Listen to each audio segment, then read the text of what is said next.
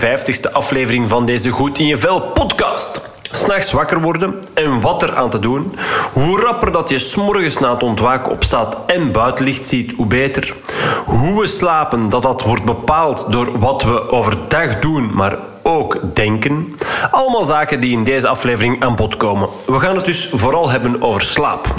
Ikzelf, ik besteed, zoals je ondertussen misschien al wel weet, als je een trouwe luisteraar bent van deze podcast of gewoon toekoer van mij, ik besteed zelf minder aandacht aan leefstijlachtige dingen in mijn coaching. Ik ben dus veel minder bezig met mensen hun fysieke basisbehoeften te helpen bevredigen. Zeker beweging en voeding ik heb er wel zo'n beetje mee gehad. Vanaf maart 2015, toen ik vijf online coachingstrajecten lanceerde, hielp ik exact 1174 mensen hierbij. Verdeeld over mensen die enerzijds mijn WordFit voedingsplan volgden en daarmee gezonder leerden eten en indien nodig afvielen. En anderzijds beweegtrajecten zoals het Fit programma, het Weg met die rugpijnprogramma en het BBB-programma doorliepen. En als je mijn boek Fit zonder fitness, de handleiding voor een leven vol goesting en energie al las, dan weet je wel dat het niet zo ingewikkeld is, die beweging en die voeding, dan, dan, voor, dan, dan excuseer door velen het wordt voorgesteld. Waar ik mijn cliënten nog wel advies rond geef, is slaap. Ook hier, zonder het te moeilijk te willen maken, kan we nu eenmaal van simpele, maar effectieve adviezen. Je moet het in het leven niet moeilijker maken dan het al is. Hè. Waarom ik nog wel slaap aanhaal als ik mensen begeleid en niet per se voeding en of beweging, omdat slaap en specifiek een slaaptekort zo'n mega grote impact heeft op je focus en wilskracht dat het te belangrijk is als je een episch leven wilt leiden. Als je je nu afvraagt van wat ik eigenlijk versta onder een episch leven leiden, ah wel, dat is dit. Op het einde van je leven kunnen terugkijken en zien dat je een prachtig, gedenkwaardig leven hebt gehad. Waarbij je anderen hebt kunnen inspireren en laten floreren. Dus dat je niet alleen zelf hoog scoorde op gebied van geluk, tevredenheid en zingeving, maar dus ook de mensen in jouw naaste omgeving hierbij kon helpen. Dat je als het ware een goed voorbeeld kon zijn, zodat je de wereld, te beginnen met om je heen, net dat ietsje mooier hebt kunnen achterlaten dan dat je hem hebt aangetroffen. Dat is wat ik versta onder een episch leven kunnen leiden. Ik zelf ga alvast voor niet minder. En dat is ook wat ik jou toewens: dat jij jezelf dit gunt. Is dat het geval, maar weet je niet concreet hoe je een goed episch leven kan leiden, dan help ik je hier heel graag bij. Mocht je interesse zijn gewekt om hier echt voor te gaan, dan kan je altijd contact met me opnemen om te bekijken of mijn Liefde Life You Want programma iets voor jou kan zijn. Gezien het feit dat het een exclusief en best wel intensief traject is, dat zeker niet voor iedereen geschikt is, heb ik elke maand maar een paar plaatjes vrij in dit persoonlijke één op één traject. Kijk graag samen met jou of er een match is en of ik jou kan helpen. Op www.epiccoaching.be kan je een gratis connection call met mij inboeken. Maar voor nu, slaap dus. In deze aflevering interview ik dokter Inge de Klerk, neurologe en slaapexpert. Boeiend werd het weer al. Vond ik trouwens niet alleen. Want dokter de Klerk gaf op het einde van het interview zelf ook aan: het is leuk om met iemand te kunnen babbelen die door bepaalde vragen te stellen je laat nadenken over jezelf. Vond ik een compliment, is nu eenmaal wat een goede coach onder andere doet, hè, de juiste vragen stellen. Maar goed, over wat hadden we het zoal? Vooral dus over slaap. Hè. Concreet over onder andere het feit dat als je de laatste drie uur voor je gaat slapen nog bezig bent met het beantwoorden van mails voor je werk, dat de kans op een burn-out meer dan verdubbelt. Maar dus ook dat s'nachts wakker worden heel normaal is en wat je er ook kan aan doen. Of ehm, we nu beter permanent zouden gaan voor zomer- of winteruur, ook dat kwam ter sprake. Heel interessante zaken uh, kwamen aan bod. Daarom zou ik zeggen, gun jezelf om dit inspirerende interview tot jou te laten komen en geniet er vooral van. Laat dat in zeker ook maar even weten wat je ervan vond. Kan simpelweg door in het podcastprogramma waarin jij luistert een reactie na te laten. Wordt zeer hard geapprecieerd. Voor nu, hier is ze dan. Laat je inspireren door dokter Inge de Klerk.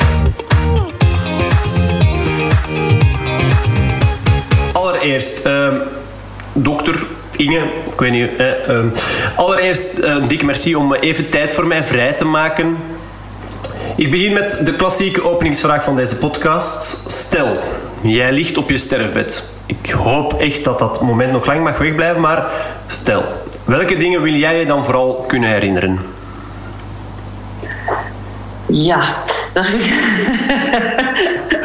ik, ben, ik ben inderdaad niet zo heel veel bezig met mijn dood, want ik sta wel heel erg volop in het leven. Um, dus waar ik, vooral, ja, waar ik vooral voor sta, is toch in de, ehm, de richting die ik professioneel ben ingegaan, daar dan maar eens mee te beginnen. Mhm. Ehm, is dat ik hoop dat ik heel veel mensen zal geïnspireerd hebben en vooral dat ik heel veel mensen zal geholpen hebben om beter te slapen. Ja, dat is nu eenmaal een van de drijfveren van wat ik doe. Mijn expertise delen en er zo voor zorgen dat mensen zich, uh, ja, niet alleen dat beter gaan slapen, maar ze vooral meer energie gaan hebben in het leven. Want die twee staan onlosmakelijk met elkaar verbonden. Um, dus dat Zeker, ik hoop gewoon dat ik zelf ook dan terug kan blikken op een heel inspirerend leven, wat ik nog ook heel veel juist professioneel ga kunnen loslaten en heel veel genieten. Ik wil nog heel veel mensen ontmoeten, zotte dingen doen, want ik hou zelf ook wel. Ik zeg, ik sta heel hard in het leven en uh, ik hou nog altijd van heel veel out-of-the-box dingen doen. Uh, ik wil bijvoorbeeld ooit nog wel eens accordeon leren spelen, bijvoorbeeld. Mm Hypnose wil ik, of EMDR wil ik nog ooit leren. Dus dat kan terugblikken op mijn leven waar dat ik um, regelmatig voor mezelf kunnen zorgen dat ik uit de box ging en dat ik veel, veel plezante dingen kan doen. Dat dat hopelijk nog altijd met de partner is waar ik nu al jaren mee samen ben en dat dat nog altijd met hem zal zijn. En um, voilà, en, dat, en dat, ik waarschijnlijk, ja, ik heb twee kids, ik hoop ook dat die verder groeien en bloeien zoals ze bezig zijn. Dus dat ik ook kan terugblikken op, uh, op nog veel uh, leuke en intense momenten die ik met hen meemaak. -hmm. Mooi, mooi. Ja, ja. Kijk, ik hoor u veel uh, interessante dingen zeggen. Ik ga daar uh, zo dadelijk graag nog wat verder op ingaan.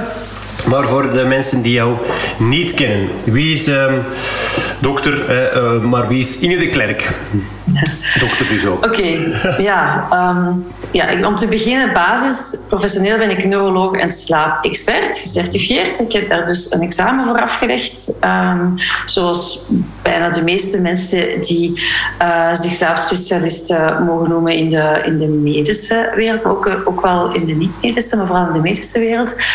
Dus dat is de basis. Maar inderdaad, um, uh, ik pak de dingen graag breed aan, multidisciplinair aan. Dus ik um, heb ook een gecertificeerde coachopleiding gevolgd, een paar jaar geleden.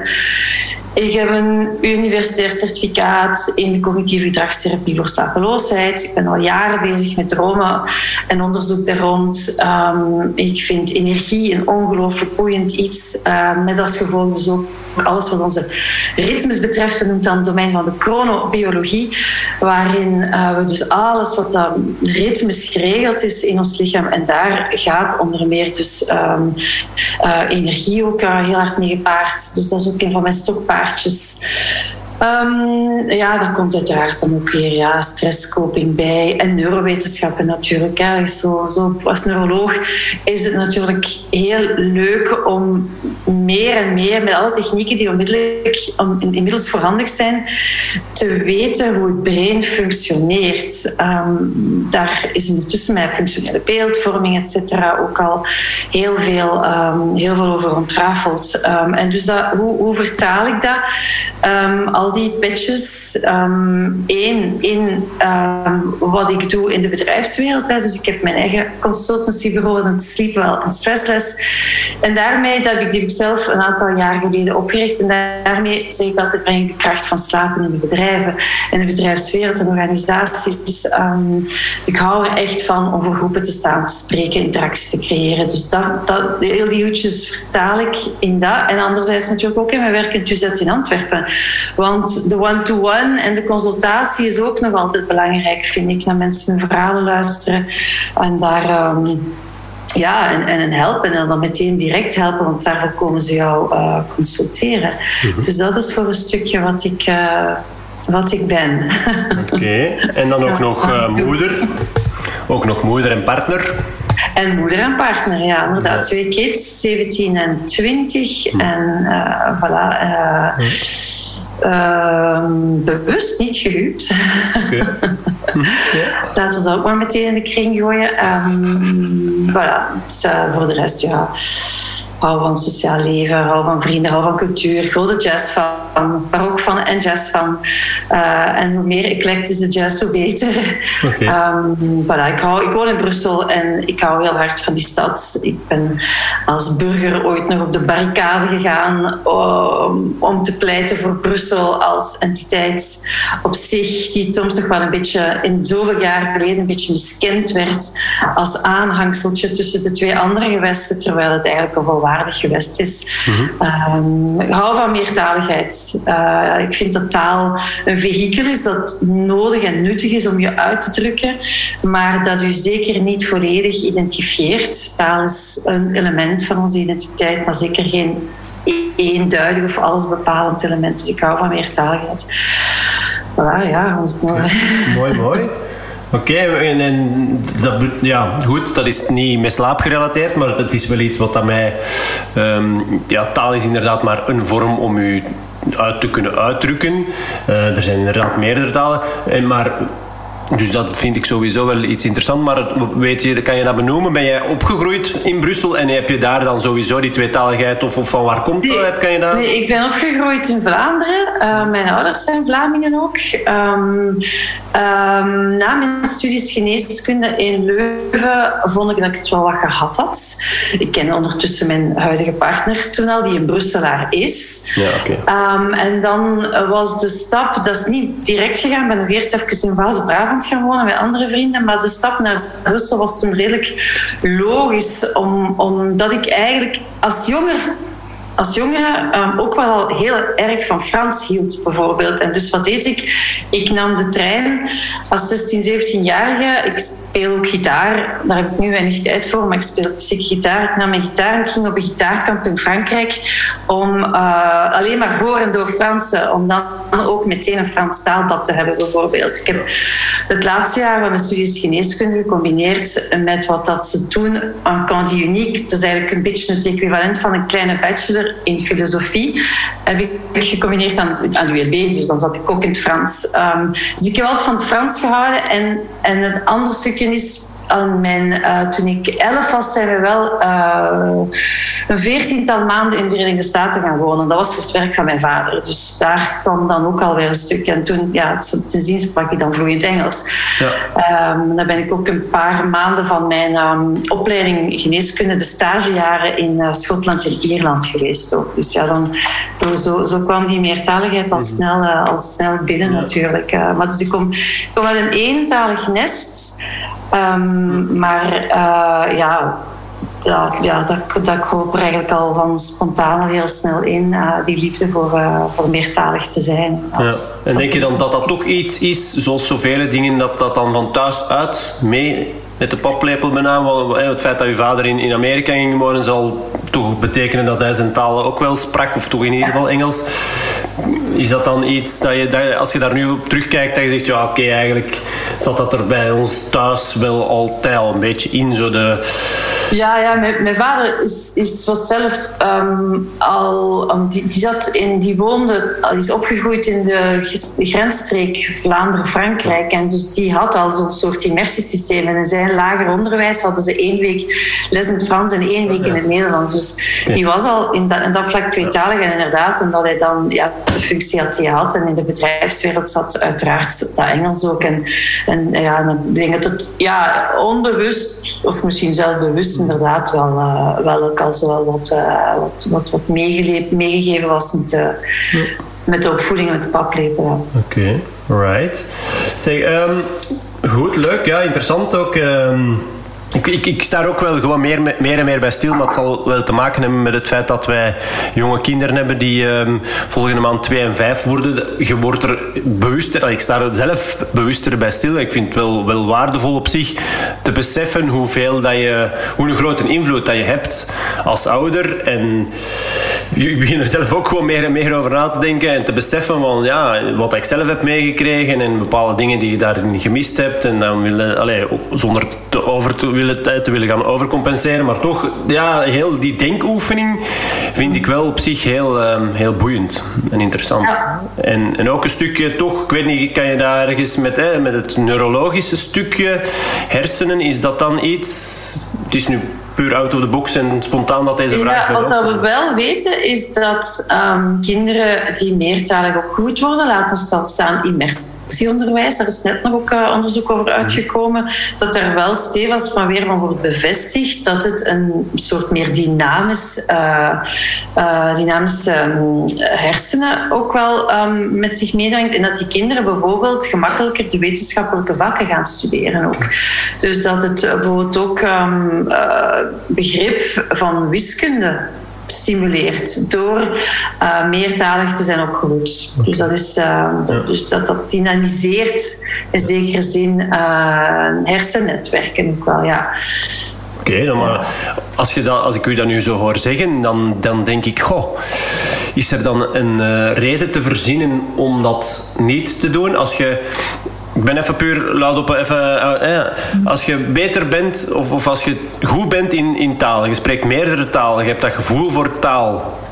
En bovendien brengt dat met zich mee dat je ook meer aanleg hebt om, om beter te zijn in, in je, dat dat meebrengt dat je, dat je beter bent in, in je wetenschappelijke vakken. Ja dan, dan, dan denk ik nu zo van oké, waarom zouden we het dan uh, niet doen? Ja, je moet gewoon zeker zijn dat het kind inderdaad geen leerstoornis heeft. Dat er geen dyslexie achter zit of apraxie of, of ja, een, een lichte vorm van autisme spectrum of ADHD of weet ik veel wat. Dus dan moet in de basis natuurlijk afwezig zijn, want anders maak je het kind onnodig moeilijk. Maar een, een, een, een laten we zeggen, normaal gezond kind zou eigenlijk vanaf zo, zo snel mogelijk met meertalen um, uh, best geconfronteerd worden en aanleren in, in een taal. Dus immersieonderwijs, meertalig onderwijs zou echt moeten geglobaliseerd worden. Ja, absoluut. Ja. Oké, mooi. Ja, boeiend. Um, dat was niet direct iets wat ik had voorbereid om het daar met jou over te hebben. Maar... dat hoeft ook niet. Ik ben natuurlijk ook geen, geen linguist. Hè. Ik ben neuroloog, maar ja. geen linguist. Nee, nee, nee, nee, jawel, nee, nee, nee, maar goed, het is wel... En John Skinny, hè? Ja. Nee, nee, nee. Zeg, um, het, um, ik hoor jou, hè, want ik ga wat, wat inpikken op bepaalde uh, dingen die, die je er net hebt gezegd, van, hè, die je graag wilt herinneren als je op je sterfbed uh, bewust mag komen te liggen ooit, uh, wie je bent. Ik heb jou ook horen zeggen van, ik wil ook um, professioneel bepaalde dingen wat meer kunnen gaan loslaten. Zin, ja, sinds dat ik... Ja, dus ik kom eigenlijk... Mijn parcours is een beetje atypisch. Hè. Ik ben dus 16 jaar lang een klassieke neuroloog geweest in de ziekenhuiswereld. Um, waar dat ik dus mijn consultatie deed en mijn wachten deed en mijn ziekenhuis opvolgen, op hospitalisaties opvolgen en zo. Ja, door een hele reeks van omstandigheden heb ik beslist van die deur achter mij toe te trekken en dan het parcours op te gaan dat ik nu volg. Hè. Dus met, met UZA dan terug op mijn pad gekomen is, uh, mijn bedrijf. En het feit van, ik zou een ik zou die stap opnieuw zetten, meteen. Ik ben zo blij met, uh, met alles wat ik nu kan doen en, en, en de werelden waarin ik terechtkom en zo. Ik, vind, ik ben zo blij wat ik nu doe. Dus ik zou uh, onmiddellijk de keuze terugmaken. Het enige nadeel daarvan is, uh, ook al zet je zogezegd meer meester van je agenda, het precies het gevoel dat je altijd wel iets moet doen. Um, dus dat, dat soort los dat. Vroeger, als ik terugkwam van het ziekenhuis, ik trok echt die deur toe, de knop was om en, en het ziekenhuis ziekenhuiswereldje was achter mij. Tenzij dat ik van wacht was natuurlijk, een ander verhaal. Nu um, heb ik het voor het veel moeilijker om mij eens een vrije halve dag te gunnen. Of een hele, een hele uh, vrije dag te gunnen. Uh, er is altijd wel iets dat moet voorbereid worden. Of een meeting gepland. Of een artikel te lezen. Nu, artikels lezen, daar, daar, daar, daar, dat is bijna vrije tijd voor mij. Ja. Maar uh, maar um, het is, ja, het is dat, dat soort loslaten. Van om iets te zeggen van, van oké, okay, nee, het is allemaal, het is allemaal oké. Okay, gewoon, gun jezelf nu. En ja, dat is ook een groeiproces, hè, een bewustwordingsproces. Dus ik, ben, ik ben cool, hè. Ik, ik, ik ben ja. niet... Uh, maar ik voel wel dat er bij momenten uh, dat, ik, uh, dat ik mezelf wel heel erg onder druk kan zetten. En dat soort loslaten. Dat, dat vind ik wel dat ik daar meer in kan evolueren ook nog, ja. lá Ja, oké. Meer zeggen van, voort, ik ga gewoon lunchen met een vriendin. In plaats van zeggen, ah nee, ik moet daar en daar en daar nog afwerken, dus ik zal maar... Ik, zal, ik lunch wel altijd, ik neem echt tijd om te lunchen, maar het is niet daarom dat ik zeg van, ah, ik ga nu met een vriendin of met een vriend gaan lunchen, bijvoorbeeld. Dus uh, dat soort dingen. Zo die kleine, kleine um, meer van die geniet- en loslaatmomenten uh, invoeren vind ik wel, uh, ik wel belangrijk. Ja, ja. kleine dingen, maar wel heel waardevolle dingen, want inderdaad, ook, ook ik, ik hoor u zeggen, mensen hè, bij ik had hier na, naast loslaten geschreven mensen ontmoeten. Uh, en inderdaad, je luncht wel. Dat is al denk ik heel waardevol dat je daar echt effectief... Hè, we zullen straks nog even uh, op voeding terugkomen als je jezelf een score mag geven op, uh, op de biologische basisbehoefte voeding. Maar het feit dat je het moment pakt en het echt inplant en er tijd voor vrijmaakt. En niet gewoon ook snel, snel, snel tussendoor ah, ja, nee, achter ja. bureau of zo. Dat is denk ik al heel waardevol. Ja, ja dat is een hele evidente voor mij. Ja, Zowel, en dat is dan tegen wel, als ik nog werkte in het ziekenhuis, dan was het daar dikwijls ook zo druk, dat ik meestal mijn lunch mijn sandwich of weet ik veel ophad terwijl ik EG's aan het lezen was bijvoorbeeld. Okay. Dus daar nam ik veel minder lunchpauzes. Is nu. Nu neem ik een echte, echte lunchpauze. Dat, hoeft, dat is soms maar 20 minuten, maar ik neem wel een echte lunchpauze. Ja, ja, wel. Altijd, Dus dat is super. Dat is, ik, ik, doe dat zelf ook. Wij hebben dat echt, uh, ik heb mijn, mijn, vrouw bijvoorbeeld, daar moet het over verplichten. Zij had gewoon vroeger ook, uh, uh, zetten ook gewoon klanten um, op de middag. Ik zeg, we gaan dat niet doen. Tussen 12 en 1, check. Um, ja. dan, en dan maken we, maken we meestal ook nog echt allee, ik vaak uh, eten. En, en echt ook gewoon echte quality, quality time stukje. Hè. Weet je wel, echt ja, gewoon even um, weg van, in mijn geval vaak ook inderdaad een scherm. En, uh, en ja, dus dat, dat is super waardevol, denk ik. En, maar het feit, hey, je benoemt dat nu als een, als een klein ding, maar denk het connecteren met mensen. En dus je, je geeft zelf aan hoe belangrijk dat je het vindt om mensen te kunnen ontmoeten. Uh, ik denk dat ik u niet moet vertellen hoe waardevol de kracht van verbinding is. En, en het, ja. ja dus, Trouwens, hè, wie, wie meer sociale, positieve sociale contacten heeft tijdens de dag, slaapt beter. Hè. Okay. Het is niet voor niks aan mijn rode draad in alles wat ik zeg en doe. En de ondertitel van mijn eerste boek was ook een goede nachtrust start overdragen. Of ik zeg dan, gezond slapen is een levensstijl. En dat maakt daar bijvoorbeeld ook deel van uit. Hè. Wie veel positieve sociale contacten heeft, zal sowieso ook beter, uh, beter slapen. Hm. Dus dat is, uh, daar, daar op, zich, op dat vlak alleen al is dat ja. een, hele, een hele belangrijke. Oké, okay, ja. Dus uh, nood aan jezelf. Probeer, proberen inderdaad af en toe eens uh, niet alleen te moeten lunchen, of, uh, maar eens met iemand te, af te spreken om dat te doen. Ja. Ik, ik vind dat zelf in ieder geval heel leuk. Om af en toe eens ja, dat echt gewoon in te plannen met mensen waar dat lang geleden is, maar waar ik gewoon voel dat ik een goede band mee heb. Dat, ja. dat gaat zelfs niet per se altijd over vrienden, maar gewoon, ja, weet je, uh, dat doet me deugd. Dat doet me gewoon deugd om zo'n, ja. ja. met iemand af te spreken. Het kan heel inspirerend zijn ook, hè. Dus, ja, ja. Het is altijd plezant om op, op, op zonder dat er een bepaald, um, ja, er is, er, is gewoon spontaan interacties komen waar dat je merkt van, ah ja, jij kijkt dat zo. Of een, hm. dat kun, je kunt echt eye-openers uit simpele gesprekken ja. hebben eigenlijk. Van, het, is, uh, het, is, het is leuk, vind ik, om hun kleine dingen door anderen te laten inspireren. Ook soms door, door, van die, hm. ja, door een simpel gesprek kan, eh, kan echt wel veel bijbrengen, vind ik. Ja, ja wel. Ja. Ja, dus voor de luisteraars uh, ook neem het mee zeker en uh, durf misschien eens met, met ja, iemand te benaderen die je zegt van ah, daar zou ik eigenlijk gewoon eens graag uh, ja, in contact mee komen en, en stel eens voor, wat is het? Allee, ja, wat, soms moet je de vraag maar stellen en een nee hebben en een ja kunnen krijgen. Ja, dus inderdaad. Gewoon, ja. Zoals ik het zelf ook aanpak voor deze podcast. Hè. Ik bedoel, ik, uh, jij ja. ook niet. Ik, bedoel, ik stuur ook gewoon. En, uh, ja. en ik had ook een nee kunnen krijgen. Maar uh, hier zitten we dan. Dus zeg, en, um, out of the box. je speelt dus al gitaar. Wat dat bij, bij mij ook een trigger is. Want dat is, bij mij staat toch ook nog wel op ergens...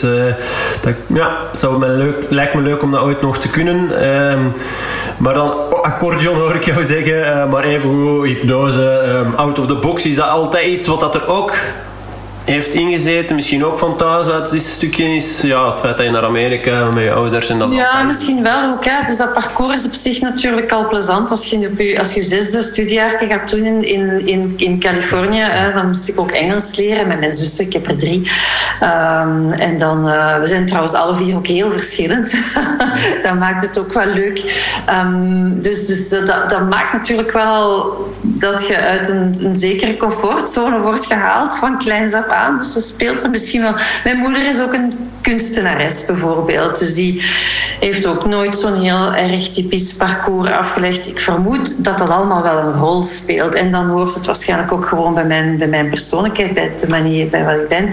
Ja, de, ben, ben routine heeft iedereen nodig en ik, ik hou ook van routines, maar langs de andere kant is het ook zo plezant om gewoon dingen te doen die die, die routine doorbreken. En uh, ja, voilà. Voor mij is dat een evidentie en ik ga daar ook naar, uh, ik ga daar ook naar op zoek. Alhoewel dat, dat helemaal niet wil zeggen dat ik één grote zot uh, nee, nee. onstuimig leven heb, maar ja, voilà, er, er, moet wel af en toe zo wel een goede vonk in zitten. Dat vind ik wel heel belangrijk. Oké. Zeg, en het feit wat dat, ik hoor jou zeggen, uh, ik heb drie zussen en wij zijn eigenlijk heel, heel verschillend. Vanuit neurologisch uh, standpunt bekeken, voor, voor de luisteraar die niet weet, neurologie, hoe onze hersenen werken. Uh, ja, ik zeg er maar graag even bij.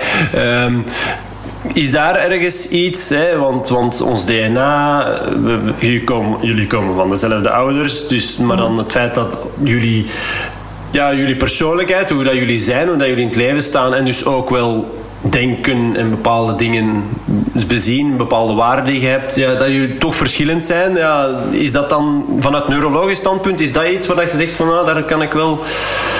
Ik denk dat je dat heel breed moet bekijken. Um, in de zin dat um, je als ouder sowieso je verschillende kinderen, als je er verschillende hebt, allemaal op een andere manier benaderd. Sowieso, de positie in de familie is belangrijk. De, de welke mate je zelf als ouder en als kindje in elkaar herkent, zijn daar belangrijke elementen in. Um, ja, um, ik denk niet dat je dat sowieso louter neurologisch kunt bepalen. Natuurlijk, iedereen heeft zijn eigen brein. Het brein in elkaar zit, is, is ook voor een stuk gemodelleerd natuurlijk door de ervaringen die je hebt. Je krijgt de basiskapitaal mee, maar dan is het gewoon constant een groeiproces, een gewoon kneed en een groeiproces. En, en zo, ja, zo denk ik dat, dat de mix van genen, persoonlijkheid, opvoeding, um, noem maar op, dat dat allemaal daar een rol in zal spelen. En dat zal bij ons dan ook wel zo het uh, geval zijn. Ja. Op zich is het toch wel bijzonder. Hè? Je wordt eigenlijk door dezelfde op, ouders opgevoed. Je, ja, goed. Ik denk dat, dat de waarden en normen die je als ouder hebt, als persoon, dat die sowieso wel meerdere jaren vaak eh, meegaan. Dus, dus het is niet dat denk, ja, hoe, als je nu echt een nakomerke bent en, en er zit bij wijze van spreken 15 of 20 jaar tussen, tussen eh, jou en je broer, zus. Uh, um, dat dat dan nog iets, dat, dat je ouders dan misschien een beetje anders in het leven staan en u bepaalde andere dingen meegeven en een bepaalde, uh, gewoon een andere ja, Ik denk dat een van de grote uitdagingen als ouder is, jij sprak daar juist ook over jouw kids, een van de grote uitdagingen is juist kinderen niet in schuifjes steken en, en jij geeft je waarde mee en de bedoeling is natuurlijk van ze zo, zo, zo mm, mogelijk interdependent te laten zijn, zodat zij hun eigen vleugels kunnen uitslaan en het nest verlaten. En dat je dat vooral als ouder de grote uiting is van elk kind zijn eigen identiteit daarin te erkennen mhm. en te herkennen. Uh, dat vind ik, als, als je dat als ouder min of meer kan, dan, uh, dan heb je heel veel goed gedaan voor kids. En ja, de perfecte ouder bestaat niet, dat is duidelijk. Uh, ik zie ook heel goed waar ik in de fout ga. Je moet nog wat werk laten voor de therapeuten ook. Hè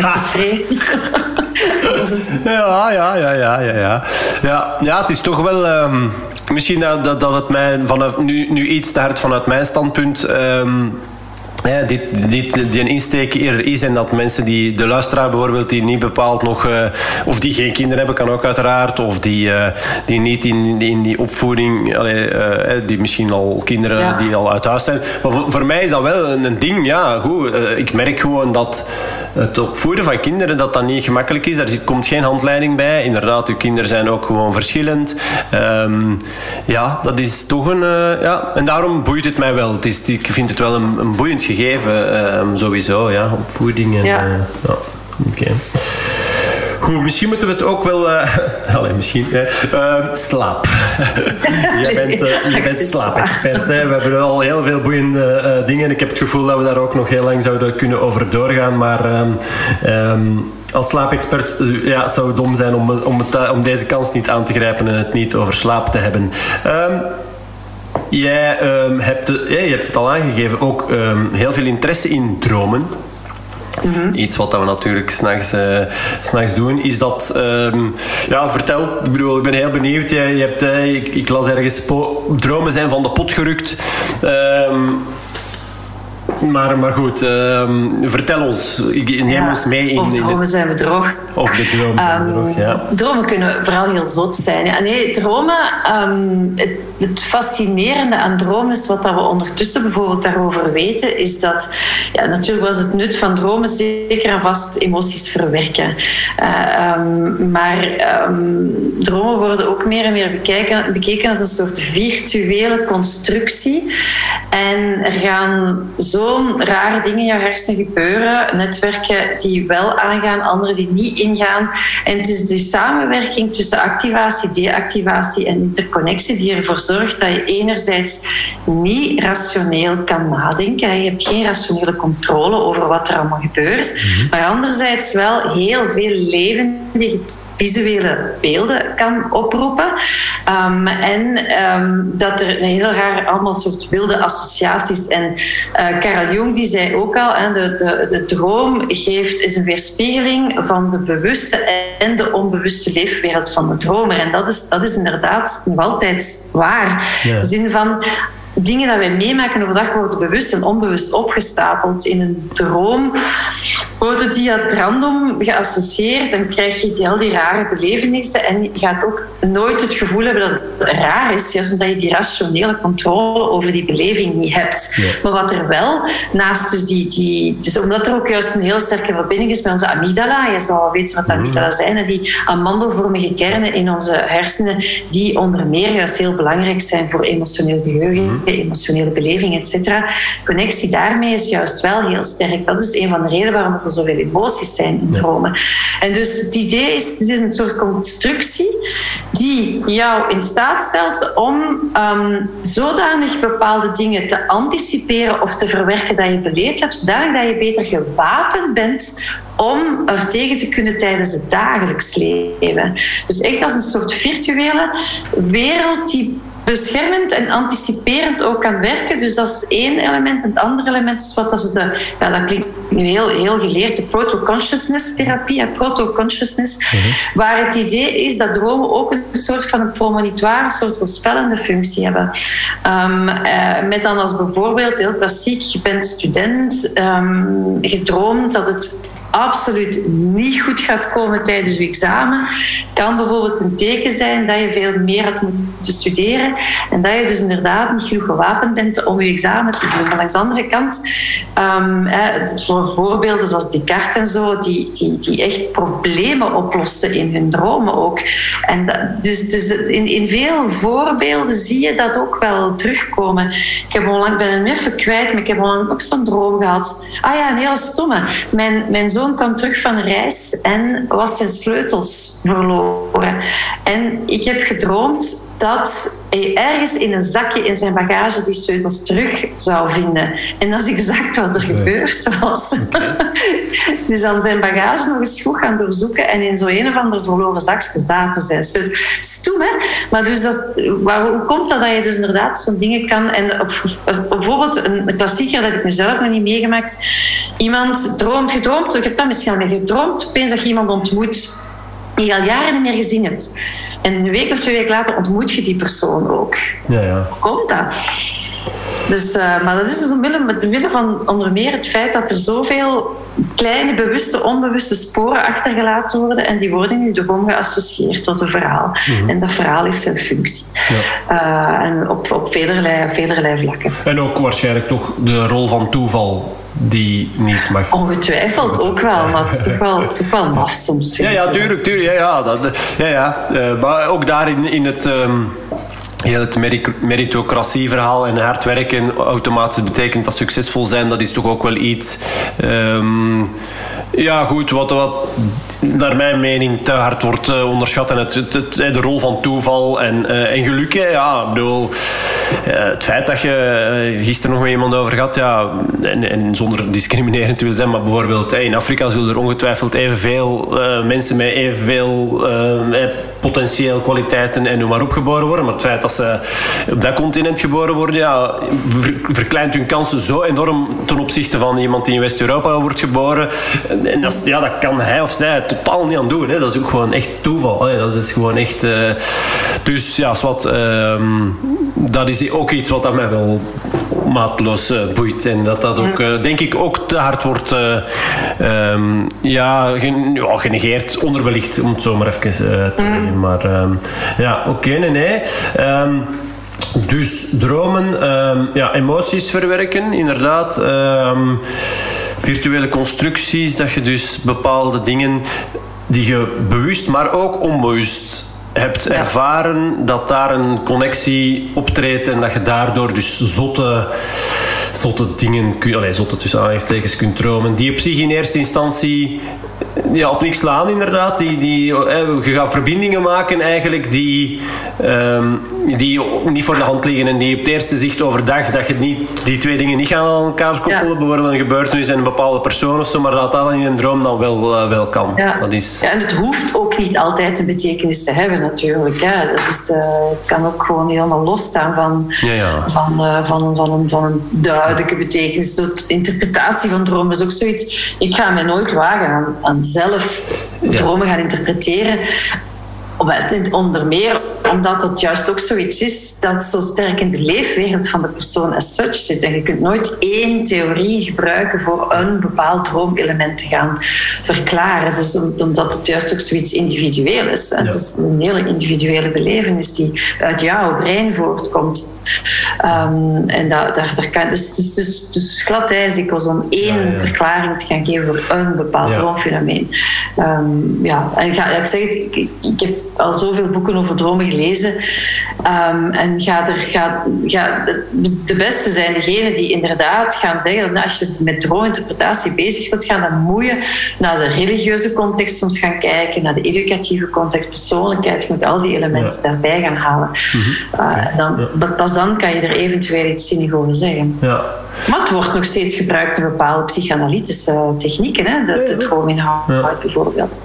Zeg, en ik hoor jou, ik heb er heel veel boeken over gelezen zeggen. Um, dan gaat er bij mij een ching ching lampje branden. Um, en ik weet van veel luisteraars dat ze. Um, door, door deze vragen vaak al bepaalde boeken zijn gaan aanschaffen en, en zo. Omdat, dus als je dan één boek, ik weet niet, misschien is dat, kan je niet direct bam klatsen. misschien heb jij aan de andere kant zicht op jouw boekenkast um, en denk ah ja. Ik ben met de titel vergeten van Toby Nathan. En ben de titel vergeten. En ik denk ik het in het Frans gelezen heb. Ja. Um, zou ik eens terug moeten gaan opzoeken ja. wat de titel is daarvan. Um, nee, nee. Even, ja, ja, mag, dus, ja, nee, dus, ja, ja, in, in mijn boek De Kracht van Slapen is er ook een hoofdstuk Ja, over het dromen, hij is niet zo heel geëlaboreerd. Nee. Um, maar dus daar, um, daar heb ik toch ook al uh, en ook over nachtmerries en zo gesproken. Dus dat was in mijn eerste boek in De Kracht van Slapen staat ook al het een en het ander Ja. over dromen. Dus uh, daar kan je ook al het een en het ander gaan halen ja, ik zeg het, uh, ja, wat, ik, wat ik zelf, maar dat, is zo, dat zijn zo'n kleffers. Ja, ja, dat zijn de die- transcripties van Carl Jung, zijn lessen over dromen van de jaren 30 gewoon. Oké, ja, ja. ja dat Die moet zeggen, die heb ik ook niet helemaal, Nee, helemaal nee. uitgelezen, Nee, want dat zijn, eh, dat zijn echte bakstenen. Ja, al die filosofische eh, werken, ja, als je daar moet doorgaan, ja, dan... eh, Soms nu, dan meer dat ik het vraag, omdat het soms dan waardevoller is om, om ergens... Maar het is ook wel niet gemakkelijk om voor de mens, dat merk ik ook wel, om, om daar ook het kaf van het koren te kunnen scheiden. Ook ja, op het internet is dat al niet gemakkelijk. Uh, Maar zelfs ja, bij, bij boeken, ook daar, uh, ja, een goed boek uh, over bijvoorbeeld dit onderwerp, dat is toch altijd wel waardevol, vind ik zelf persoonlijk. Omdat dan um, van jou bijvoorbeeld, als jij dat zegt, dan, dan denk ik, ja, oké, okay, goed. ja, dat, dat wil ik echt wel geloven. En dan is dat inderdaad wel iets um, Eventueel um, kunnen we achteraf nog wel, um, dan zal ik ja. het in de, in de... Wat ik er misschien ook aan kort aan kan toevoegen, opgeleid voor de luisteraars, voor um, de, de boeken die lucide dromen de hemel in prijzen. want de lucide dromen is, dus een, is eigenlijk een ander fenomeen als de klassieke droom. Je gaat dan wel bewust je droom sturen en je weet dat je droomt. Dus een heel andere hersenactivatie activatie die daarmee gepaard gaat. Kan ook alleen maar als je wakker wordt uit jouw remslaap. Ja. En het gevaar daarvan is dus wel al duidelijk aangetoond voor mentale gezondheid. Mensen die experimenteren met lucide dromen um, uh, hebben een verhoogd risico op psychose en andere uh, problemen met mentale gezondheid, omdat je dus systematisch die remslaap daarvoor moet onderbreken om het te induceren. En remslaap, waar dus het grootste deel van onze dromen in voorkomen, maar niet alleen, um, is juist zo essentieel ook voor mentaal welzijn. Ja. Typisch mensen met psychiatrische aandoeningen hebben bijna allemaal remslaapstoornissen. Ja. Um, Um, dus die, die, remslaap en emotioneel welzijn gaan zo ontzettend nauw met elkaar samen. En daarom, alhoewel er wel degelijke wetenschappers zijn die aan het kijken zijn hoe ze lucide dromen kunnen gebruiken om bijvoorbeeld posttraumatisch stresssyndroom te gaan behandelen of nachtmerries te gaan behandelen. Oké, okay, maar dat is in een hele duidelijk gemedicaliseerde context. ja. ja. ja. Oké, okay. en, en uh, ja, nee, goed, ik wou vragen. Mij interesseert het, maar goed, als het uh, gevaarlijk is, gaan we er niet op ingaan hoe dat je dat dan, die lucide dromen. Nee, uh, we blijven er gewoon weg en we laten het inderdaad in, in een ehm, wetenschappelijke context. Laten we laten ja. de onderzoekers maar naar zoeken. En als, als ja. er dan ooit zou blijken dat het op bepaalde manieren toch interessant kan zijn, dan, dan horen we het wel binnen zoveel jaar. Nee, nee, goed. Um, het feit wat ik zelf, want ik heb in mijn boek ook wel um, een deel rond rust en ontspanning en dus ook uh, over slaap. Um, het feit van dat waar heel veel mensen tegenaan lopen. Uh, dus ik ga even uh, kaderen wat, wat ik um, meegeef als, als advies vaak. En dan ben ik heel benieuwd hoe jij daarbij bij akkoord kan gaan. Of dat je zegt, vrij, stop erbij en schrap alsjeblieft bij herdrukken dat gedeelte. dat zou zo maar kunnen. Hè. Nee, waar veel mensen tegenaan lopen is om, om in te slapen of s'nachts wakker worden en dan, hè, dus als ze gaan slapen, inslapen of als ze s'nachts wakker worden en dan opnieuw in te slapen. Um, ja, wat ik meegeef als advies van ja, probeer eens uh, uw ademhaling te tellen omdat je dan ja, bewust met je, met je gedachten bij het het aantal seconden dat je in en uitademt. Um, ik zeg vier seconden in, zes seconden uit, geef ik eigenlijk mm. altijd mee als, als tip. Of uh, een beetje het schaaptelprincipe, maar dan toch net iets anders. Uh, mm. Van 300, kan ook van, de, van 300 aftellen naar, naar 1 en dan de cijfertjes uh, opsplitsen. Ja. Dus 300, 299 en, en zo elke keer. En dan, en dat dat zou helpen om, om, om, ja, om die gedachten die in hun hoofd en die maken dat ze dan moeilijk hebben om in te slapen, dat dat dan uh, zou helpen. Maar goed, uh, jij zal daar meer kunnen over vertellen. En... Begin met preventie van die problemen. En dat zit ook weer in je dag. En vooral het uur voor je gaat slapen, afbouwen. Ja. Afbouwen, afbouwen, afbouwen. Uh, dus dus, dus uh, ja, begin met de preventie van dat soort dingen. En, uh, en dus ja, de klassiekers van de smartphone aan de kant te leggen. Niet alleen voor het blauw licht, maar natuurlijk ook voor de mentale activatie. Ja, die likes, die WhatsApp-likes, de Instagram Instagram, zo weet ik allemaal, die telkens een soort van een kleine dopamine-shoot geven in ons mhm. brein. Ja, dopamine is een heel belangrijke neurotransmitter die je nodig hebt s ochtends om wakker te worden. Maar als je die te pas en te onpas gaat produceren in je brein, dan is het mogelijk zelfs toxisch. In elk geval wakker maken. Exact niet dat je niet wilt hebben. S'avonds ga, bouw je dag af. En een tv kan helpen, maar soms moet je de tv wat vroeger afzetten, want anders gaat de tv uit en begint je film van de dag in je hoofd weer te spelen. En dan neem je dat mee naar bed. Dus, dus zorg dat er sereniteit in je brein is voor je gaat slapen. Uh, en dat kan inderdaad ook zijn door inderdaad die hartcoherentie ademhaling of hartcoherent of hartsynchrone ademhaling, hoe dat je het allemaal mag noemen, toe te passen. Maar ik ben dan wel voorstander om dat zitten te doen, buiten je bed en je slaapkamer, omdat stressvermindering is geen slaapmiddel. Stressvermindering is een middel om inderdaad sereniteit te krijgen, om dat gaspedaal los te krijgen, dat evenwicht tussen het parasympathisch sympathisch um, zenuwstelsel super belangrijk. Maar dat doe je best allemaal voor je naar je slaapkamer gaat. Ja. Zodanig dat als je in jouw bed ligt, het slapen, waarvoor wij allemaal geprogrammeerd zijn, een natuurlijk iets is. En hoe meer dat je dat loslaat, hoe minder dat je dat wilt controleren, hoe vlotter dat, dat van zijn eigen komt. Ja.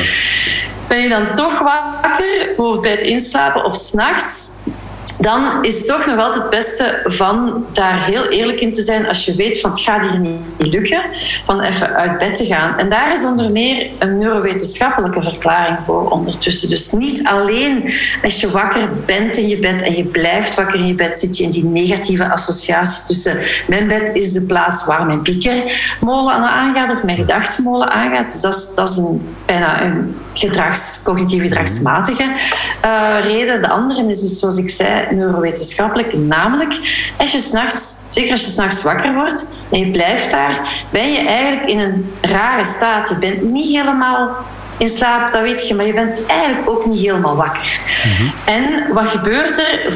Mensen beschrijven dat soms ook letterlijk als chaos in mijn hoofd. En inderdaad, er gaat een te grote interconnectie zijn tussen het dagdroomsysteem en het standaardmodus netwerk. Dat systeem dat we overdag een beetje meer moeten aanzetten, een beetje meer verveling, et cetera, dat we een stukje nodig hebben.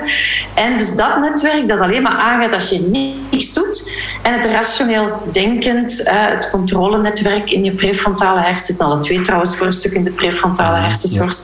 Ja. Uh, maar dus de connecties tussen die netwerken gaat te hard.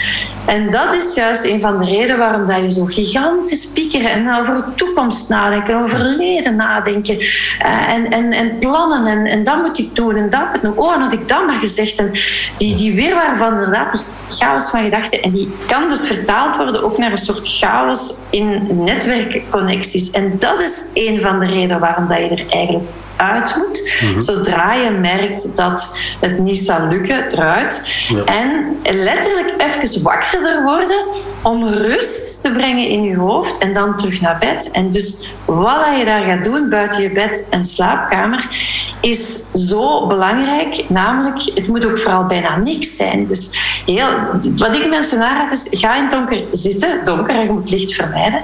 Ga ademen, inderdaad. Ga daar zittend wat ademen. Zeker en vast een nuttige. Ga visualiseren bijvoorbeeld. In, in mijn tweede boek, De Slaapwijzer, heb ik daarom audio's ingesproken met visualisatietechnieken. En de bodyscan zit er ook in bijvoorbeeld. Dat mensen ook gewoon zouden kunnen rustig luisteren naar uh, bepaalde ontspanningstechnieken het hele idee erachter is, je, zet, je zit in de slaapstand. Jouw brein zit nog altijd overwegend in een slaapmodus ten opzichte van een waakmodus.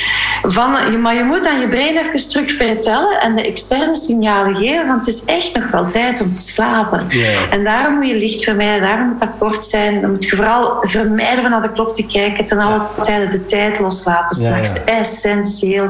En we hebben een interne klok die de overhand moet halen s'nachts. Die interne klok die zorgt ervoor dat jij slaapt. Dus geef die ook de mogelijkheid om te dicteren. Ervoor te zorgen dat je slaapt. En dan heel belangrijk ook weer die positieve mindset. Zo belangrijk ook een heel gegeven. Ga naar bed met geruststellende gedachten. Oké, ik ben gemaakt om te slapen. Als ik nu naar bed ga, dan ga ik rustig slapen. Die als dan op een positieve manier. En jezelf echt conditioneren op een positieve als-dan uh, situatie. En als ik nu in bed lig, dan voel ik me rustig. En dan komt de slaap vanzelf en het zal wel lukken. En morgen gaat een goede dag zijn. Dus allemaal zo van die al die elementen, die, dat zijn eigenlijk vijf stappen, die staan beschreven in mijn twee boeken ook. Ehm, omdat die zo belangrijk is dat het zo gebeurt. En ik hoor helaas nog te veel um, dat het anderhalf uur moet zijn, want je trein moet passeren en van dat soort dingen. Daar, dat dat nog gezegd wordt, daar word ik soms wel een klein beetje boos ja. van. ja, ja, ja. Maar dus, ja, dat mag kort zijn. Dus dat, lukt dat van de ene nacht op de andere? Nee, dat lukt meestal als je dat systematisch doet. En lukt dat op termijn? Ja. Waarom? Dat is een onderdeel van, van die cognitieve gedragstherapie voor slapeloosheid. En, en uh, dat is toch altijd de beste manier om met dat vervelen. En ja, als je dan terug in bed ligt en het begint terug, dan kan je eventueel in een tweede tijd wel een aantal van die technieken gaan toepassen. Of, um, of je heel hard gaan focussen. Bijvoorbeeld deze nacht heeft het gestormd. Ik heb er even van wakker gelegen. Uh, maar dan heb ik gewoon gezegd van, ah leuk, storm. Ik ga me focussen op de wind. Ik was eraan terug vertrokken. Ja. Uh, snap je? Dus, dus, dus die, daar is ook een focus vinden die positief is en die helpt inderdaad om terug uh, dus, Maar belangrijk is toch van het even te doorbreken door er eerst even uit te gaan. Ja, oké. Ja. Dus, um, en, en kan je dan, want, want dat, dat is toch echt pas als je echt voelt, want het gaat hier niet lukken. Hè? Als je echt al een tijdje... Ja, maar je moet er rap eerlijk in zijn. Want je, de meeste mensen, en ik zie veel mensen met slaapproblemen, ja, logisch, die herkennen dat wel bij. Ja, ah, wel, ja. ze weten eigenlijk gewoon door ervaring uh, Nu, wat ook heel belangrijk is, is ja, wakker worden is normaal. Iedereen wordt wakker. En dan zeg ik, het is niet het wakker worden het probleem, het is hoe jij er nu omgaat. Dus als je wakker wordt en ga meteen kijken hoe laat het is en, en en, wakker kijken naar de wekker is je wakker maken. dus dan, maar als je zegt, oké, wakker worden, ik ben even wakker, wakker worden is normaal, ik kijk niet hoe laat het is. Voor sommige mensen kan dat al volstaan om terug rust te vinden en zich om te draaien en terug, uh, terug in te slapen. Uh, het wakker worden, op zich ook dedramatiseren is heel belangrijk. Um, maar als, als je dan toch merkt, en dat is niet altijd simpel, ik weet dat voor veel mensen is dat echt moeilijk om op te staan. Hè? Maar hoe rapper je dat dan doet en hoe rapper dat je daarmee korte metten gaat maken door terug en donker even rust te gaan vinden, hoe vlotter dat terug inslapen gaat lukken. Sowieso. Dus ook inderdaad het hoe. Je moet niet een half uur wachten of twintig minuten wachten vooraleer dat je uit bed komt. Zodra je merkt, het is hier, het is hier vertrokken, ja. moet je daarmee moeten dat doorbreken. En dat is echt die chaos in je hoofd letterlijk tot rust brengen. Ja. Oké, okay. nou, Goeie tip en uh, waardevol, ja, ja. Want daar inderdaad... Uh ja, het feit dat je het zegt, uh, ik merk allee, dat je veel mensen ziet met slaapproblemen. Um, ja, met mij komen mensen zeker niet specifiek voor slaapproblemen. Ik bedoel, daar zijn ze niet hier op het juiste adres. Maar goed, het is wel, um, ja, als het gaat over, over de wilskracht, discipline verhogen en dan het geven van focus. En dan, ja, dan komt natuurlijk al snel beweegarmoede, slaapschuld, uh, multitasken en al, al die dingen uh, komen ja. dan wel ter sprake. En dus ja, slaapschuld. Um, ja, is dan natuurlijk wel een ding. En ja, ja, ja het niet naar de wekker kijken. En dat is toch ook wel iets wat ik... Eh, ik weet nu niet wat ik dat zelf in mijn boek... Eh, mijn uur weet zelf niet meer wat ik allemaal wel of niet geschreven heb. Maar dat is wel iets inderdaad wat ik toch ook wel vaak uh, ja, benoem en, en meegeef en aanhaal van ja, dat, dat, dat, ja, dat is gewoon direct het activeren extra van, van uw hersenen. Ja, stress meer. En stress maakt wakker. Bijna in het grootste deel van de gevallen is dat toch gewoon een stress erbij. En stress is gemaakt om jou wakker te maken. Dus je gaat automatisch wel tellen. Zo, en als je begint te tellen, tellen zoveel uren. Of, of, ja, soms ook positief, al zoveel uren. En er zijn best wel mensen die zeggen van, oh, het is toch maar drie uur. Cool, ik draai om ik val in slaap. Alright. Uh, maar als diezelfde mensen dan om zes uur nog eens wakker worden en ze moeten eigenlijk om zeven uur op, dan is het meestal wel moeilijker om terug in slaap te vallen. Dus dan, dan is het ook beter van niet te kijken. Nee, nee, nee, nee. Zeg, en... Um ja, klopt het als ik, uh, als ik zeg dat, je, dat ik u hoor zeggen dat um, uw dromen u ook virtueel beschermen tegen, tegen dingen die je, die je meemaakt en die je nog gaat meemaken? Ja. Uh, daar, daar ben ik Het verwerkingsproces zonder meer. ja. ja. Ja, en dus als je niet weet dat je droomt, heb je wel gedroomd. Hè? Dat is ja. belangrijk. Ja, ja. Uh, ja. Dus, dus iedereen droomt en iedereen droomt elke nacht? Ja, toch? Ja, ja. ja. En je kan eigenlijk tijdens elk slaapstadium dromen, maar het zijn alleen maar de remslaapdromen die we ons herinneren doorgaans. Ja, ja oké. En die het meest waardevol zijn bij het verwerken van emoties? Ja. ja. Just. Oké. Okay. Zeg, en... Um, is dat dan... Um, misschien buiten jouw expertise, maar ik weet het niet. Uh, ja, emoties, heel dat veld is, is wel iets. Uh, ja, ik werk met de positieve emoties van, van Frederickson en, en het kunnen uh, onder andere. en, en die um, ja, er wat meer oog voor hebben, ze meer ja, zien, bezigen, nuttigen. Ja, en, en er, het, de, ja, het gesprek erover aangaan. En. Um, dat dan uh, negatieve emoties ook teniet doet. En, en, en, um, dus dat is wel echt iets wat, dat, wat ik heel boeiend vind en waardevol. Is dat, um, is dat iets wat je zegt van... Goh, vanuit misschien gewoon jouw ervaring of zo, dat er nog naast slapen, dat jij zegt van, nou wel, emoties, kan je daar nog iets, dat je zegt, oh ja, dat is iets wat ik toepas, of dat ik weet, of dat ik uh, wel iets heb horen. In een... ja, ik denk dat het heel belangrijk is, van, als, zeker als je in een proces bezig bent van met moeilijke situaties te leren omgaan, bijvoorbeeld, hè, uh, want dat ook heel, ja, inherent deel uitmaakt soms ook van begeleiding in, in, in verbeteren slapen, maar ik een ander werk doe, wat jij ook doet waarschijnlijk, is van zeker altijd tijd te maken over de emoties die, daar, die daarmee gepaard gaan. Van, en ook soms ook soms te lokaliseren in je lichaam bijvoorbeeld. Um, dus dat, dat, dat zeker uh, belangrijk is om aandacht te geven aan alle emoties die daarbij de revue kunnen passeren.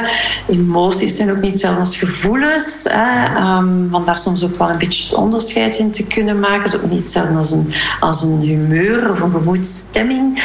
Um, maar dat is niet zo belangrijk, dat onderscheid. Meer, meer van er sowieso wel aandacht aan te besteden. Zeker belangrijk, ja. Absoluut. Um, omdat het ook deel kan uitmaken van... Um, uh, van, van, van, van een verwerkingsproces, van een, van een proces om meer resilient, meer weerbaar te worden. Um, ja, ik ben niet de specialist van de emotionele intelligentie bijvoorbeeld, maar ik, ja, het voordeel in, in mijn achtergrond als je arts en neuroloog bent en al jaren uh, op heel veel vlakken interesseert, is al die dingen heel evident zijn natuurlijk voor mij. Van dat, van dat mee te pakken in alles wat ik doe. Uh, ja, en er, er is ook er zijn ook interessante werken over geschreven. Lisa Feldman Barrett. Ja. Uh, fantastische madame, die heel veel met emoties, uh, heel mooie boeken geschreven heeft over, uh, over emoties ook en zo. Waar ik mij over verbaas dat het nog niet vertaald is in het Nederlands. Want ik heb mijn bedrijf... Ik heb mijn bedrijf mijn ja, ik lees meestal in de taal waar het boek... Allez, Frans, Engels, Nederlands. Ik ben drietalig. Ja, dat, is natuurlijk echt wel... ja, ik, die drie talen probeer ik meestal te lezen in de taal waar het boek geschreven is. Ik begrijp... Ja, ja, dat snap snap ik wel. Daar valt heel veel voor te zeggen, denk ik. Uh, ik heb wel, ja, ik heb ook wel wat uh, in het Engels, maar soms, ja, ik, uh, het probleem is inderdaad bij een vertaling dat, dat natuurlijk het is vanuit, het is in het Engels geschreven, dus de, de, de vertaling mist soms de enige nuance of, of ja, dat, ja, dat net wat dat je in je moedertaal er kunt insteken, wat dat in, ja. een, in een vertaling er dan ja, net niet in zit. Ja, mijn, mijn, mijn, mijn tweede wordt in het Frans vertaald op dit moment. Okay. Komt uit volgend jaar in maart. Ik ben ook heel benieuwd oh, naar, uh, naar die eerste versie die ja. normaal gezien binnenkort moet binnenkomen. Ik ben erg benieuwd ja, wat dat de vertaalster gaat, uh, gaat hebben van wat ik in het boek heb willen steken. Ja, ah, wel. Ja. maar goed, het feit dat jij dan toch ook wel tweetalig bent, dat dan, dan zelf nog eens doornemen, dat gebeurt altijd in mijn boek natuurlijk. En dan, ja, dat is wel belangrijk. ja, dat is belangrijk, ja. Maar ik snap wel. Maar dus uh, om Lisa Feldman-Barrett ehm, Um, ja, dat is trouwens de reden. Uh, een van de dingen, uh, de EPIC-theorie, Embodied uh, Predictive Introceptive Coding. dus EPIC eigenlijk, hè, dat is eigenlijk de reden waarom dat ik... sommige mensen weten, of de meeste mensen, denk ik niet dat ze dat weten. Ik heb dus heel lang WordFit gedaan, maar voor, omdat ik dat voor ons, voor dit interview hebben we het ook even aangehaald. Hè. Mensen die fit zijn, als gespierd zijn, sportief, niet geblesseerd. Um, ik wou daar echt gewoon... Mensen zijn hokjesdenkers. Ik wou er eigenlijk liever niet meer, langer mee geassocieerd worden. Um, ja. was ik eigenlijk op zoek naar een, uh, naar een, ja, een andere naam voor, voor de activiteit die ik, uh, die ik doe. Uh, meer weg van dat, ja, dat beweegaspect en, en de voeding en de leefstijlachtige dingen. Um, en dat ik dan in mijn, in mijn cursus uh, over uh, um, uh, Lisa Barrett las, ja, dan die, dus de afkorting van de, is EPIC. Um, en dus ja, ik heb nu EPIC coaching. Um, en, ah, oké. Ja, en, en heel veel mensen denken. ook, misschien nog wel leuk om, om even een, uh, ja, een, er zat een buurman uh, die ik over laatst hier op straat. Uh, ik kwam s'avonds thuis en ik was een vriend gaan helpen om stroobalen. Hè, zij, die hebben paarden en stroobalen mee bij een boer in, in, in de vent te gaan smijten en dan mee in de, in de, in de stal. ja, leuk. Vind, ik vind dat leuk om te, om te, om te doen. En um, ook de connectie met, met die vriend. En, terwijl ze dat fysiek bezig en zo. Dus ik kwam thuis en ik zag de schuin, schuin hierover wonen een buurman. En uh, het was een vrijdagavond en uh, ik zeg, oh, hey, ik zal mijn naam maar niet noemen. Uh, hey, ik, hoe is het? ah, nog laat. Ik was redelijk laat terug. het was in de zomer. En ik zeg, ja, ik ben juist. dat is wel episch, man. Dat is wel episch, hè. Ik zeg, ja, ja, dat is wel episch. Ja, dat is waar. Dus heel veel mensen um, denken, epic coaching, dat het, dat het draait om... Uh, en een stukje wel, hè, een stukje wel. Ik bedoel, ik denk dat het... Um, wat jij zegt er straks, out of the box, zotte dingen kunnen doen, zonder dat dat daarom overheersend moet zijn. Ik bedoel, het is niet dat je elke dag uh, moet, uh, ja. weet ik veel wat... ik bedoel, een, een bungee jump of... Allee, dat je dat soort... Daar, daar epic, epische dingen doen, daar associëren veel, veel mensen het mee. En dat gaat eigenlijk inderdaad over een heel belangrijke theorie rond, rond emoties. En, ja, ja, ja, ja, ja, Dus dat is wel... Ja. Dus nee, goed. Maar ik vind het wel leuk dat jij ook... ja, Lisa Barrett ja, aanhaalt. Oké. Okay, um, even afgeweken van, van ons ding, maar... zeg... Um, ja, ik, ik had natuurlijk mijn, uh, mijn research een beetje gedaan. En eh, hoe we slapen, je hebt er juist ook heel kort even aangehaald. Hoe we slapen wordt voor een groot stuk bepaald door dat wat we overdag doen, maar ook denken. Uh, Die twee, die, die opsplitsing, uh, dan bij doen, uh, daar hebben we het er juist al een stukje over gehad. Het laatste uurtje gaf jij aan, een beetje al ontprikkelen. Eh, ik denk dat het in de ideale wereld misschien zelfs, wat ik altijd, drie uur, de laatste drie uur idealiter, maar dat is voor de meesten ja, drie uur tussen het moment dat je professionele activiteiten, waaronder e-mails, afsluit en het moment dat je gaat slapen. Dat moet inderdaad drie uur ideaal uur tussen. Dat zou niet Chinees moeten zijn. Dat zou gewoon... Dat is ook eigenlijk dat zou haalbaar moeten zijn. Het is helaas te evident geworden voor veel mensen om s'avonds nog mails te gaan bekijken, et cetera. Mhm. Dat verhoogt het risico op burn-out tot maal 2, maal 3. Hè? Mensen die s'avonds hun e-mails nog zitten te checken. Dus um, ja, oké. Okay. Nee, nee, wel, maar voor, voor ons is dat basiskennis. Maar goed, daar, daarom ook een stuk deze, deze podcast, omdat ja, voor veel, veel mensen... Doen, inderdaad, doen de hele dag door. Hè? Dus uh, naar levensstijl de hele dag door. Opstaan met daglicht, zeker altijd een ontbijt eten bewegen vanaf dat je opstaat. Um, veel bewegen tijdens de dag. En jouw fitheid, ding wat je zegt, klopt inderdaad. Het gaat over bewegen en niet speciaal over sporten ook. Mhm. En, en denken, denken is inderdaad ook een hele, hele belangrijke. En dat is die, die, die, die, die kracht van je eigen positieve uh, denkmogelijkheden ontwikkelen en gebruiken. En dat is ook ook zo krachtig en zo belangrijk. Um, van, van, van, uh, bijvoorbeeld, er ik heb het nu even niet meer in mijn hoofd, maar er is een heel mooi onderzoek uitgekomen, niet zo lang geleden, waarin aangehaald werd dat iemand die ondanks het feit dat hij slecht sliep, toch positief bleef over slaapvermogen, veel minder scoorde op de moeheidsschalen dan iemand die wel constant negatief was over zijn slaap, bijvoorbeeld. En dus de gevolgen van uw eventueel slecht slapen zijn kleiner als je toch positief uh, minded blijft en positief in het leven blijft, positief over je eigen kunnen en slaapvermogen blijft. Dus een heel sprekend voorbeeld, vind ik. Ja. Uh, omgekeerd ook. Um, eh, en dat is ook een van de eerste tips die ik geef in, in mijn tweede boek, De Slaapwijzer. Neem een post-it en schrijf daarop drie positieve dingen over uw eigen slaapvermogen. Zoals iedereen is gemaakt om te slapen, dus ik ook. S'nachts wakker worden is normaal. Uh, Ik beslis om nu ehm, altijd te doen alsof ik een goede slaper ben. En ja, dat, is, dat ik kan dan noemen hè, fake it until you make it. Maar er zit wel echt iets achter eigenlijk. Van, van, en dat is een proces en dan soms heb je daar hulp bij nodig uiteraard. Hè. Mensen die heel diep zitten of heel hard in die negatieve spiraal van slapeloosheid verwikkeld geraken, die hebben daar een helpende hand bij nodig. En die helpende handen die zijn er. Dus die moet je gaan opzoeken. Ja, ja, ja. Die moet je gaan opzoeken. Ja. Echt, ja. Oké, dus um, ja, echt um, bewust positief gaan denken en daar effectief uh, ja, een, goede tip, goede tip om dat met de post-it en dan drie, die drie dingen daarop te noteren, ja, is echt wel dat je dat bewust en echt gewoon... lezen en herlezen en echt als een anker gebruiken bijvoorbeeld. ja. ja. ja. ja. Oké, ja. Dus uh, ja, heel... Uh, en dan... Uh, ja, en, en, het doen is eigenlijk echt gewoon het ganse... ja, gezond leven, laat ons zeggen. En, en ja, met niks overdrijven. levensstijl. Ik hou niet ja. van het woord slaaphygiëne. Nee, soms ook, maar ik hou meer van het levensstijl. Want daar komt het op neer eigenlijk. En soms kunnen dat hele kleine dingen zijn. Ik had een patiënt die vier koffies en drie zwarte thees per dag dronk. En ze kwam mij consulteren omdat ze te veel wakker werd s'nachts en ze voelde zich heel erg moe overdag. Ja. En dan, dat was nog een redelijk jonge persoon. Dan plannen wij wel een slaaptest, omdat er soms ook wel iets anders achter zit. Hè. Ook weer, inderdaad, je zou ook niet in hokjes denken. Wel, slaapstoornissen kan je ook niet altijd zomaar in één vakje steken. Dikwijls zijn er heel veel elementen die een rol spelen. Maar we hadden dus die slaaptest gepland en ik had haar gezegd, bouw je cafeïne af, stop met cafeïne drinken. En ze had dat gedaan. Ze heeft een maand hoofdpijn gehad, want dat was echt afkicken. Maar ze is wel volledig normaal beginnen slapen terug. Dus, um, dus ik vind dat heel mooi dat het soms ook zo simpel kan zijn. Ja, ja.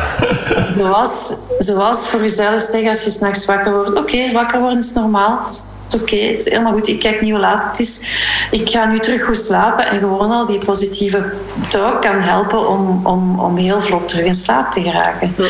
Dus um, de kracht van onze dachten is, is, is niet te onderschatten. Ja, positieve psychologie. Ja daar is best heel veel over, over degelijk, degelijk uh, over aangetoond. Dus dat, dat werkt, positieve psychologie. Ja, ja, ja. heel boeiend. Hè, ja.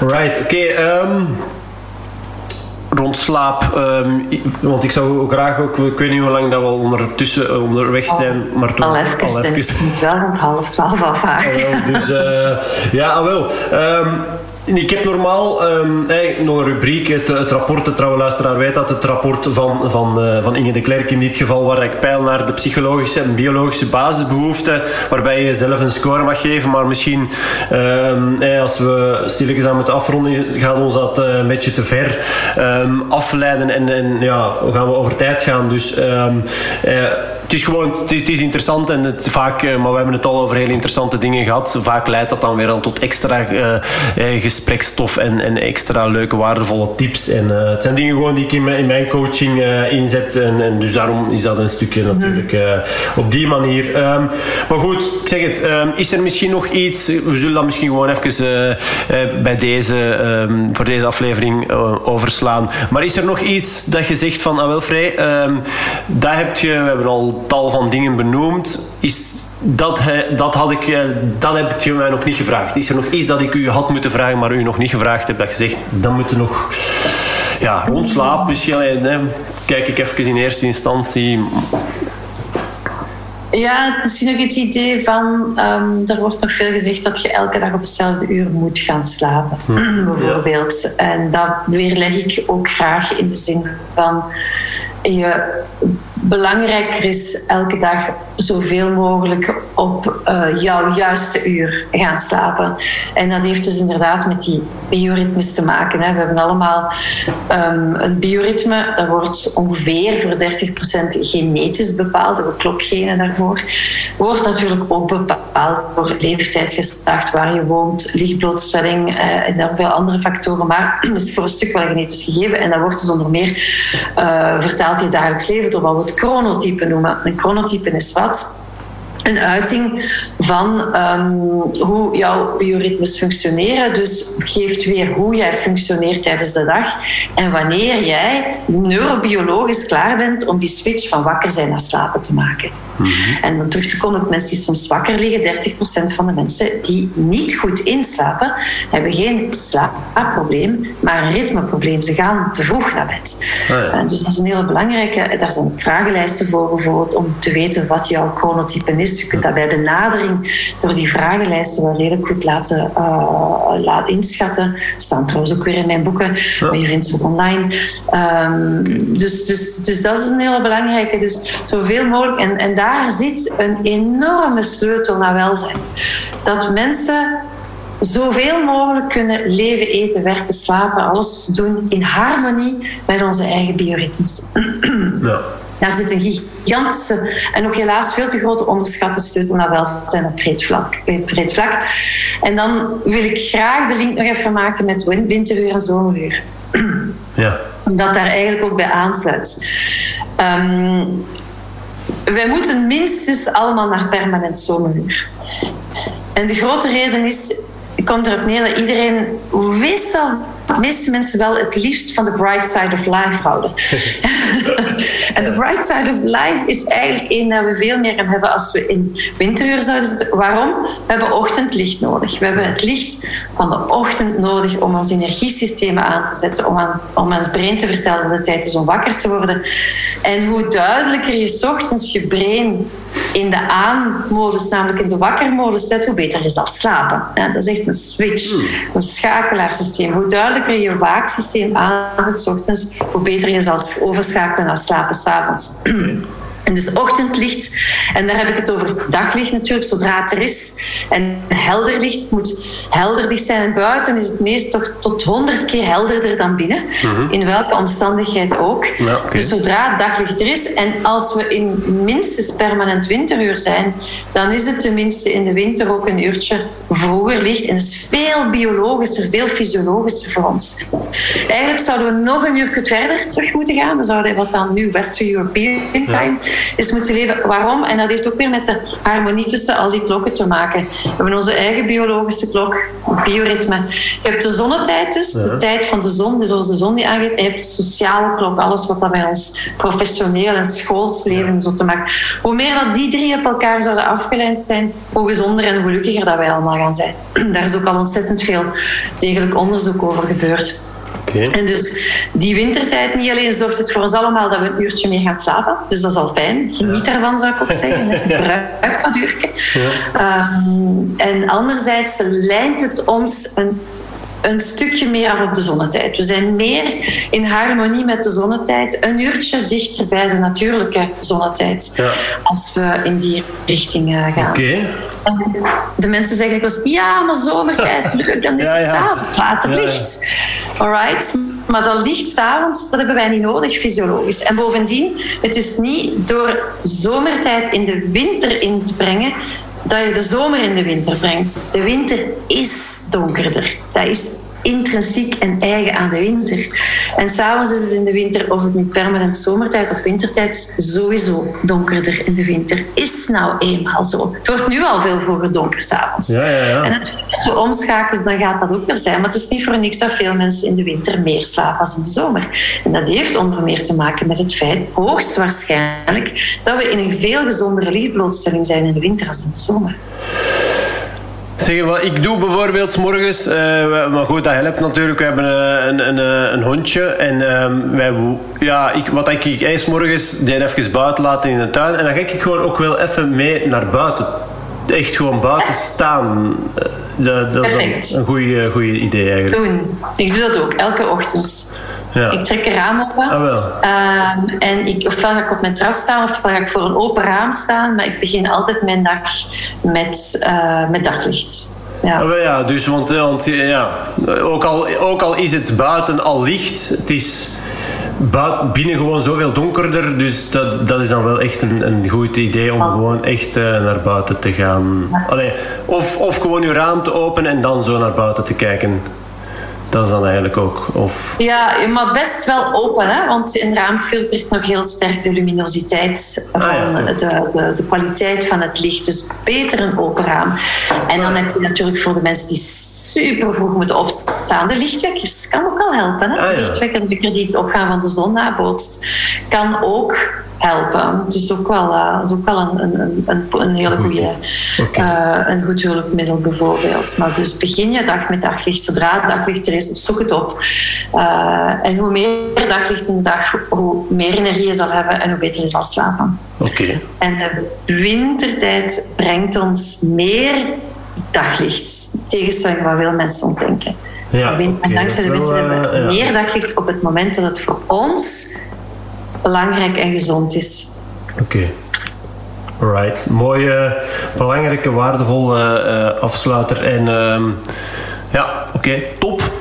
Ik denk dat heel veel mensen daar uh, heel veel aan gaan hebben. Aan, aan, aan vele dingen die we, die we besproken hebben. Dus... Um, Leuk. Nee, oké, goed. Dan uh, wil ik jou uh, nog heel hard bedanken voor, uh, voor de waardevolle tips en voor, het, ja, voor, voor jouw tijd ook. dus ja, dikke merci. En jij voor het boeiend gesprek. Heel graag gedaan, was leuk. Dat vind ik leuk aan podcasten. Als de, als de, de podcaster iemand is die u zelf over, over uzelf wat doet nadenken en dingen vertellen die je niet gewoon zet om van jezelf te vertellen. Dus uh, jij bent bedankt daarvoor. Ja, heel graag gedaan. Heel graag gedaan. Het was, het was aangenaam. Ziezo, dat was hij weer al. Geweldig dat jij deze aflevering tot het einde hebt beluisterd. Vond jij het ook, net als ik, een boeiend gesprek? Dan mag je deze aflevering zeker even een 5-sterren rating geven of gewoon je reactie achterlaten. Kan gewoon op het podcastkanaal waarop jij luistert. Of dat nu iTunes, Spotify of Soundcloud is. Apprecieer ik alvast heel hard. Dikke merci om dit te doen.